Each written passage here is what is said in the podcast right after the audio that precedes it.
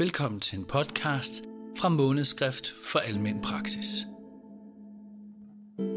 Denne gang en artikel af Jørgen Laus, Min hobby, hvad et kunstnerselvportræt kan fortælle. Jørgen Laus er forfatter, praktiserende læge og professor.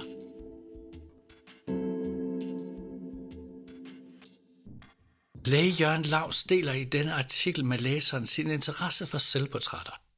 Som et spændende eksempel på, hvad selvportrætter kan vise, skal vi se tre selvportrætter af maleren Jørgen Boberg, malet under et sygdomsforløb. Vi skal se, hvordan en cancersygdom kan have et menneske.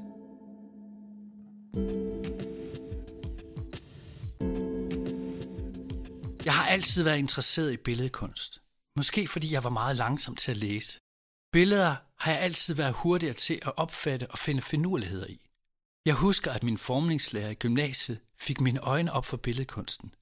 Senere har jeg været med i udsmykningsudvalget på Jørgens sygehus, blandt andet med kunstneren Gerda Tune Andersen. Vi havde fået en gave på 50.000 til udsmykning. Hun fik den idé at skrive til 50 kunstnere om, at vi gerne ville købe et af deres billeder til ophænge på patientsturene for det beskedne beløb af 1000 kroner. Som jeg husker det, fik vi mellem 40 og 50 værker tilsendt. Mig bekendt hænger de stadig rundt på stuerne på sygehuset. Siden har jeg dyrket kunstinteressen i den lokale kunstcirkel sammen med kolleger fra sygehuset, som medlem af bestyrelsen i Kunstforeningen for Jørgen og Omegn, og de sidste 25 år som medlem af bestyrelsen i Vejle Kunstforening. Tilfældigvis begyndte jeg for knap 20 år siden at samle på billedkunstners selvportrætter. En hyggelig hobby, der giver mange gode oplevelser. Det begyndte i 2000 med køb af et portræt, som jeg bare synes var godt malet og med et tændst udtryk i øjnene. Kunstneren kendte jeg ikke. Åke Salomonsson. Men jeg bød på billedet og fik det for mindste prisen på 500 kroner.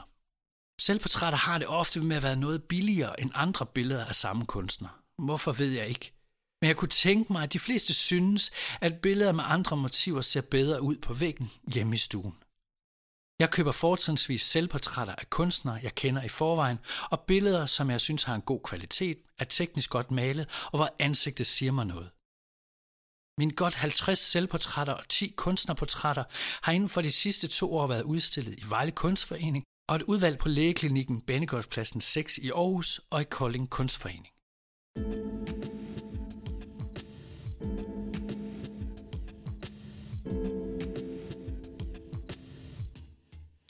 Et eksempel.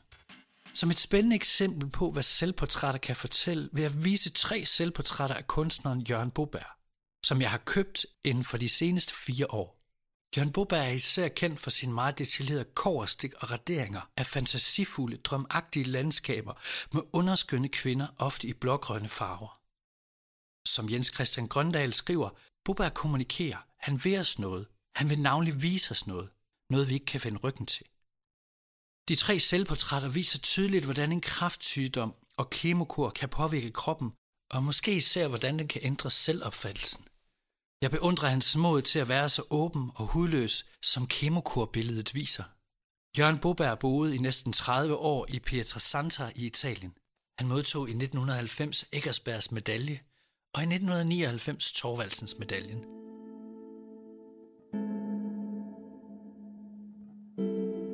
Du har lyttet til en oplæsning af artiklen Min hobby, hvad et kunstnerselvportræt kan fortælle, af læge og professor Jørgen Laus, og en podcast fra Måneskrift for Almen Praksis.